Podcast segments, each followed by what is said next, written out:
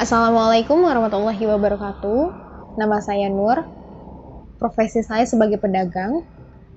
Berbagai produk saya promosikan di media sosial, dari mulai busana muslim sampai makanan ringan. Yang memesan pun ada yang dari luar kota, banyak juga dari dalam kota. Usaha ini hampir setahun saya geluti. Lumayan hasilnya buat nyari tambahan jajan, sisanya buat ditabung. Dalam usaha ada saja pengalaman. Salah satunya hampir kena tipu oleh oknum pembeli. Kenapa dinamakan oknum? Karena saya hampir saja kena tipu. Jadi begini ceritanya. Waktu itu, ketika saya punya produk baru, saya langsung memposting ke media sosial. Belum lama, postingan notifikasi WhatsApp saya berbunyi. Seorang perempuan memesan busana muslim, secara detail dia menyampaikan pesanannya. Lama memilih, akhirnya dia tertarik pada busana muslim seharga Rp150.000 dia meminta pengiriman dipercepat dan pembayaran dilakukan di tempat atau biasa kita kenal dengan cash on delivery atau COD. Si oknum ini mengaku berasal dari satu kota yang kemudian pelaku mengirimkan alamat dan ternyata benar, jaraknya pun tidak jauh, hanya menempuh waktu 15 menit. Barang yang sudah dipesan pun saya kemas dengan rapi dan saya langsung menyalakan motor dan menuju alamat yang dituju.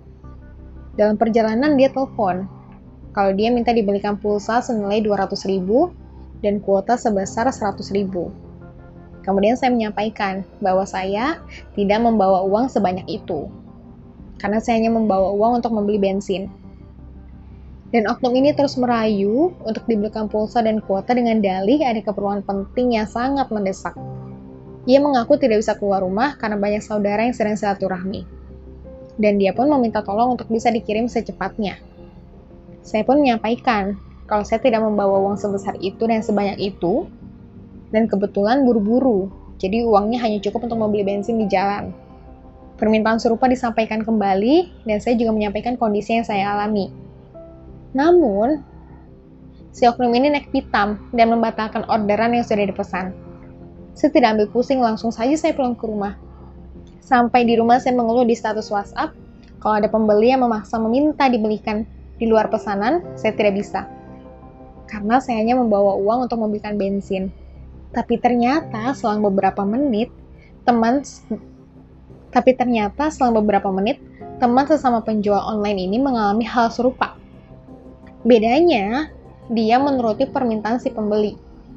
Dan ternyata, sesampai di tempatnya, dan ternyata sesampai di tempat si pembeli, nomor teman saya ini diblokir dan saat ditanya pada warga setempat, tidak ada yang mengenal satupun. Pada saat itu teman saya rugi besar, karena meminta diisikan pulsa senilai 200 ribu kedua nomor dan juga kuota 100 ribu. Dan alhamdulillahnya, saya bersyukur ternyata Allah masih memberikan jalan yang terbaik.